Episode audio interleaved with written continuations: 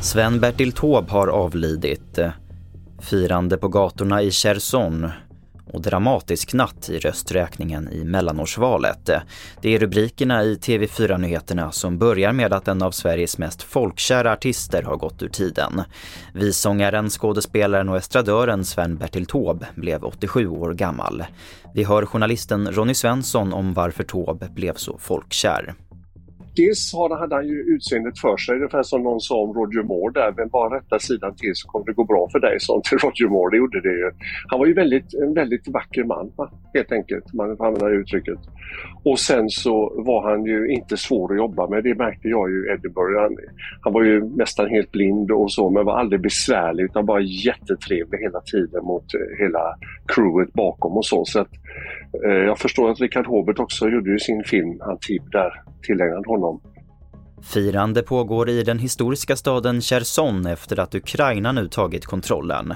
Samtidigt uppmanar Ukrainas president Zelensky kvarvarande ryska soldater som gömmer sig att ge upp.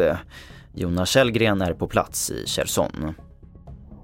Ja, i Herson så verkar natten ha varit lugn. Det finns eh, dåligt internet och knappt någon elektricitet där, så lite svårt att få ut information ur den staden. Men det verkar inte som den här förfarade attacken via luften med artilleri och robotar och så vidare kom, utan att eh, ukrainarna i Herson har haft en första natt i frihet i någorlunda lugn och ro.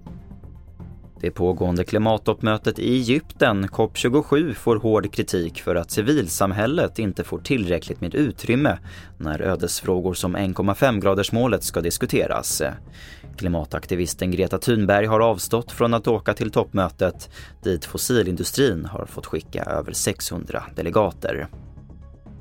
Och vi avslutar med att i delstaten Arizona i USA så verkar det klart att demokraten Mark Kelly omvalts som senator. Det här enligt ett flertal amerikanska medier. Republikanen Blake Masters som tävlade mot Kelly har i en kampanjvideo hävdat att Donald Trump vann presidentvalet för två år sedan. Om Demokraterna även tar hem valet i Nevada, då kommer man att ha kontroll över senaten. Och med det här så sätter jag punkt för TV4-nyheterna. Jag heter Albert Hjalmers.